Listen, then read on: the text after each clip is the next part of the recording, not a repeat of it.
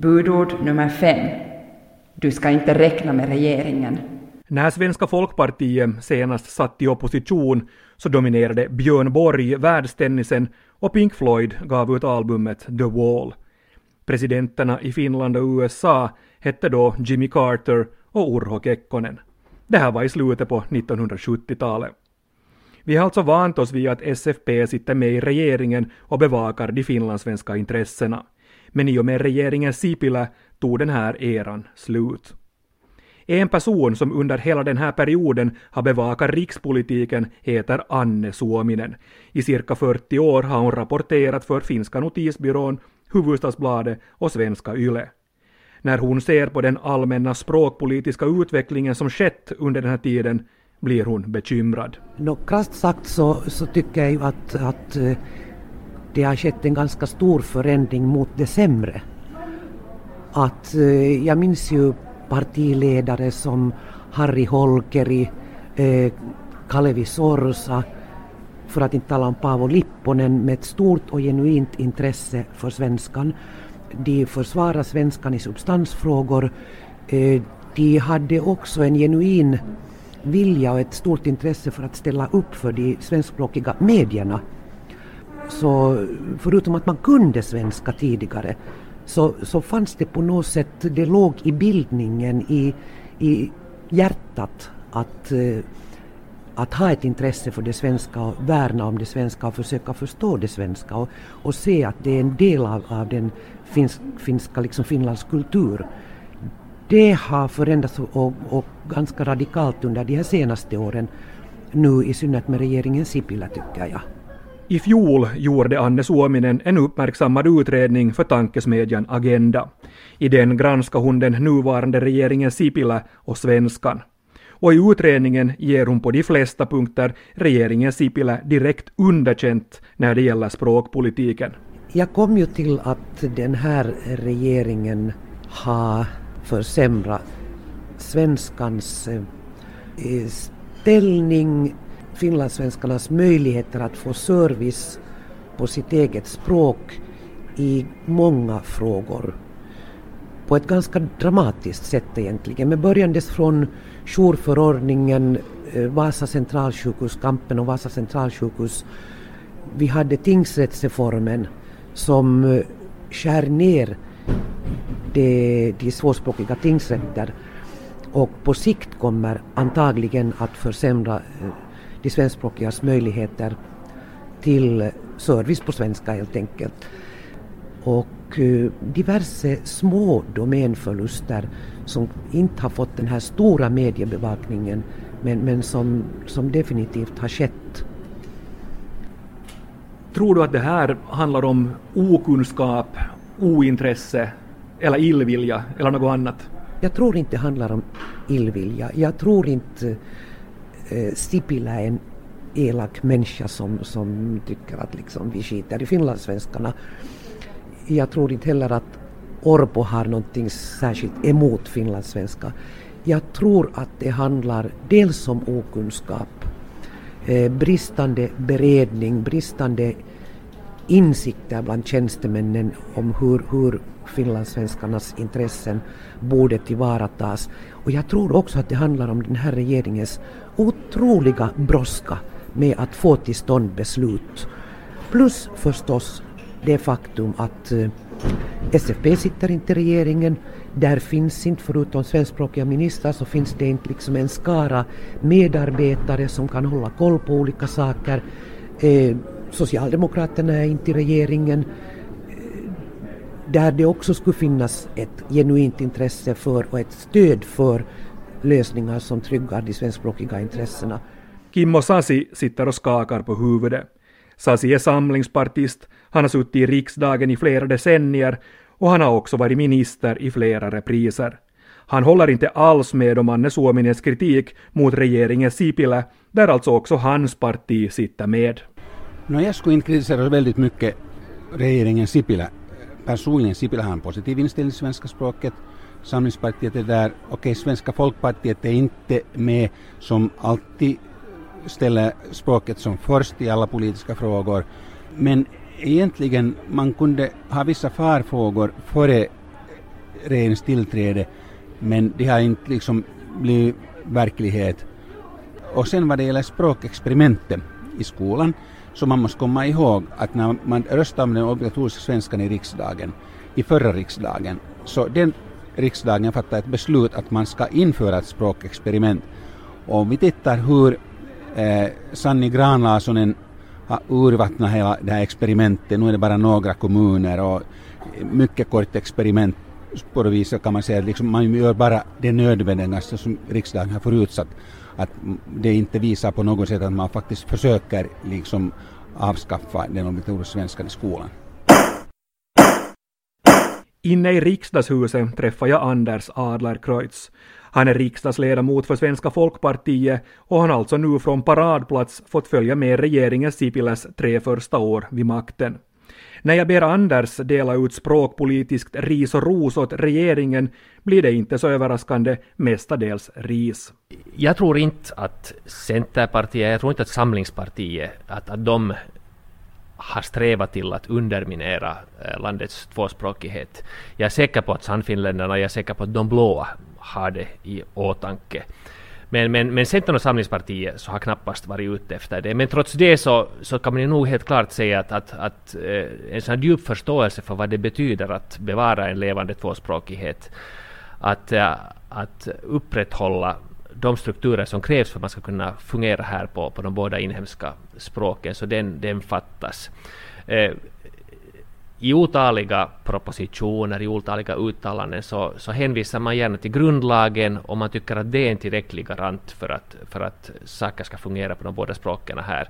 När vi vet att det också kräver eh, faktiska strukturer, det kräver liksom praktiska lösningar. Och kopplingen mellan, mellan en grundlagstext och vad det sen betyder eh, på ett praktiskt plan, så, så, så den inser de inte och den vill de inte heller inse. Så de liksom låter bli att, att garantera garantera eh, tillgänglighet och, och en sån förståelse på ett praktiskt plan. Budord nummer fem. Du ska inte räkna med regeringen. På svenskt håll är besvikelsen på Samlingspartiets roll störst. Av de tre regeringspartierna hade man hoppats att åtminstone Samlingspartiet betydligt aktivare skulle försvara de svenskspråkigas intressen. Med sitt perspektiv på att bevaka rikspolitiken ser Anne Suominen att Samlingspartiet idag helt saknar en agenda för att driva tvåspråkigheten i landet. Det finns inte ett eh, eh, civilkurage för svenska frågor längre i Samlingspartiet. Och en partiordförande som inte talar ett ord svenska.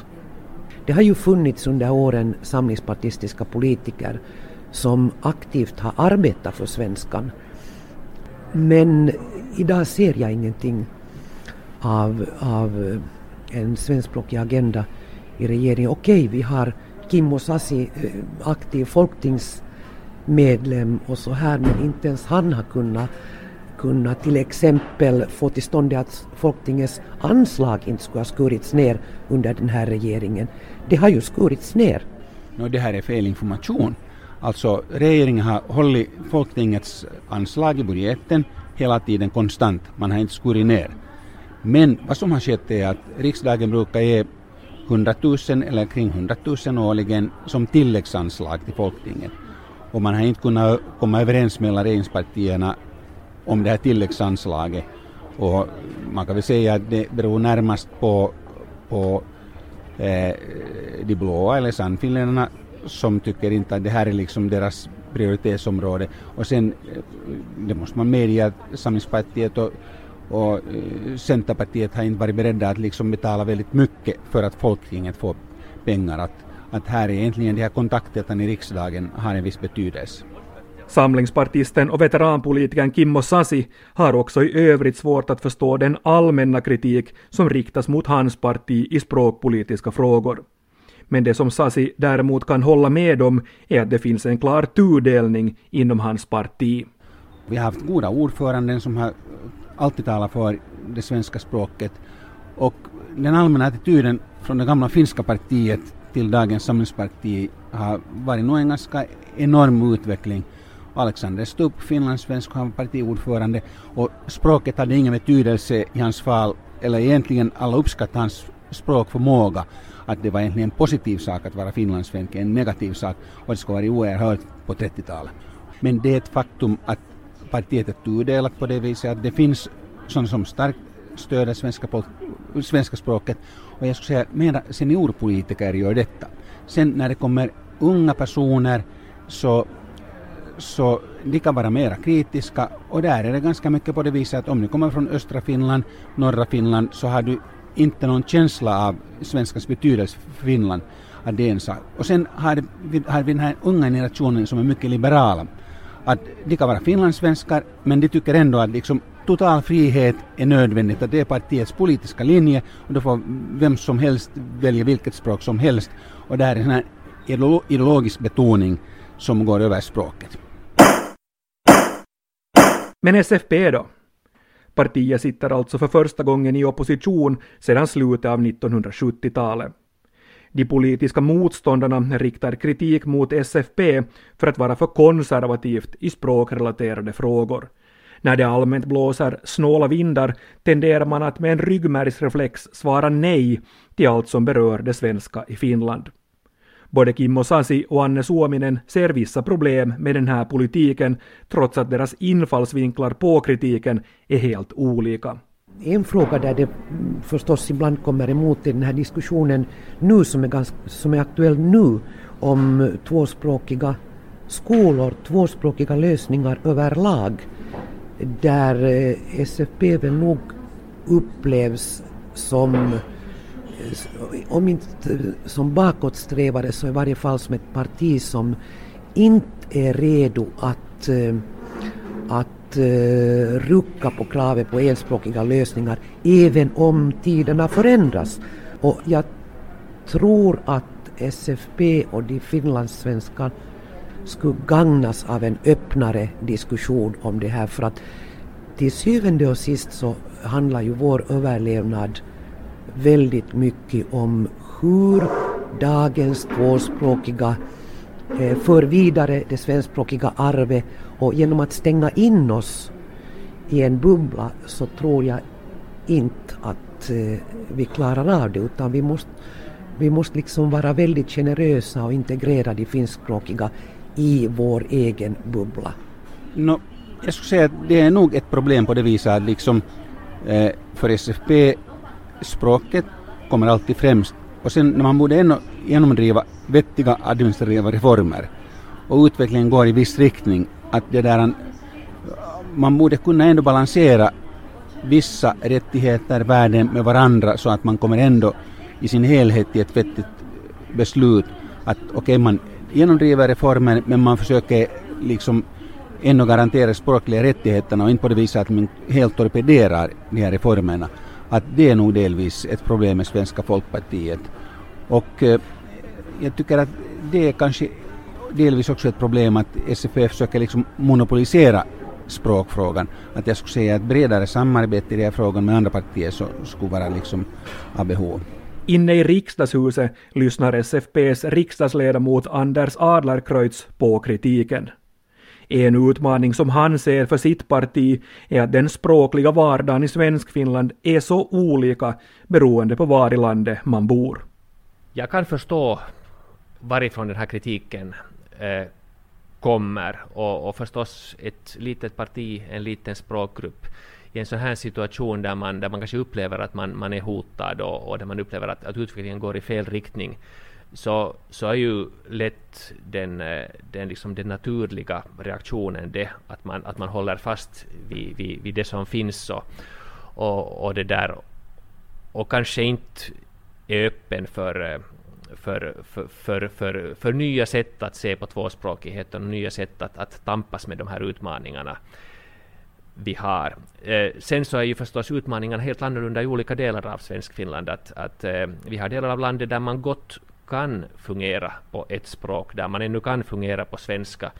Och, och så har vi, så har vi då till exempel huvudstadsregionen där, där man är tvungen att fungera på båda språken och, och, och, där man själv förstås sätter sig i ett ganska kraftigt underläge ifall man inte kan klara, klara den utmaningen. Så här, här är utmaningen annorlunda och, och, ibland kanske inte förståelsen är riktigt så god som den kunde vara för de här olika situationerna och att det kräver, vi behöver lite olika mediciner i olika delar av Svenskfinland. Anders Adakreutz själv lever i en tvåspråkig familj i Nyland och han diskuterar mycket gärna olika tvåspråkiga lösningar utifrån sina hemtrakter. Den mest eldfängda och samtidigt också känsligaste framtidsfrågan just nu handlar om enspråkiga, tvåspråkiga eller samlokaliserade daghem och skolor. Jag tycker själv personligen att, att det är helt klart att, att, att skola ska man, eh, grundskolan ska man få gå på sitt eget språk. Eh, eh, det är viktigt att man stärker modersmålet, men sen så, sen så tycker jag själv att det finns helt klara fördelar med samlokalisering, till exempel i, i, i tvåspråkiga regioner där de här språkgrupperna är mer eller mindre jämnbördiga. Om man tänker till exempel, om vi nu tänker på min egen kommun Kyrkslätt, eh, där har vi ett principbeslut på att vi bygger en viss sorts daghem, daghem av en viss storlek. Och om vi, ha, om vi begränsar byggprojektet till någonting som omfattar 120 barn, så betyder det att vi får vänta hemskt länge på nya svenskspråkiga daghem. Det betyder också att vi har ett hemskt glest nätverk av dagis dagisar. Och när man tänker på hur vardagen ser ut för en familj idag, en tvåspråkig familj där kanske ena föräldern talar finska och andra svenska och barnen både och. Man ska hinna till jobbet till klockan åtta eller nio på morgonen, man ska hinna hem efter jobbet, plocka upp barnen. Om alternativet är att föra barnet till ett finskspråkigt dagis på fem, kilometers avstånd eller ett svenskspråkigt på 20 kilometers avstånd så tror jag att många har ett ganska lätt val och det här är ju ett hot för, för den svenskspråkiga eller för, det, för tvåspråkigheten, till exempel då i Kyrkslätt eller Esbo eller någon annan motsvarande kommun. Och då kunde receptet vara det att, att man går in för, för daghem där man har två jämnstora grupper. Då kan man, då kan man ha en svenskspråkig enhet på 60 barn och en finskspråkig enhet på 60 barn. Man kan ha dem i samma, i samma byggnad. Men, men som skilda enheter, då, har man, då kan man få den här skalekonomin, men, man kan, men kan, samtidigt kan man få ett, ett tätare nätverk. Och det här är till exempel en lösning som jag är säker på att gagnar tvåspråkigheten. Också på det sättet att de här båda barngrupperna blir medvetna om varandra. Eh, de finskspråkiga ser att, att det finns svenskspråkiga barn i vår kommun och det, ett intresse kanske, kanske vaknar och på samma sätt kanske för de, för de svenskspråkiga barnen.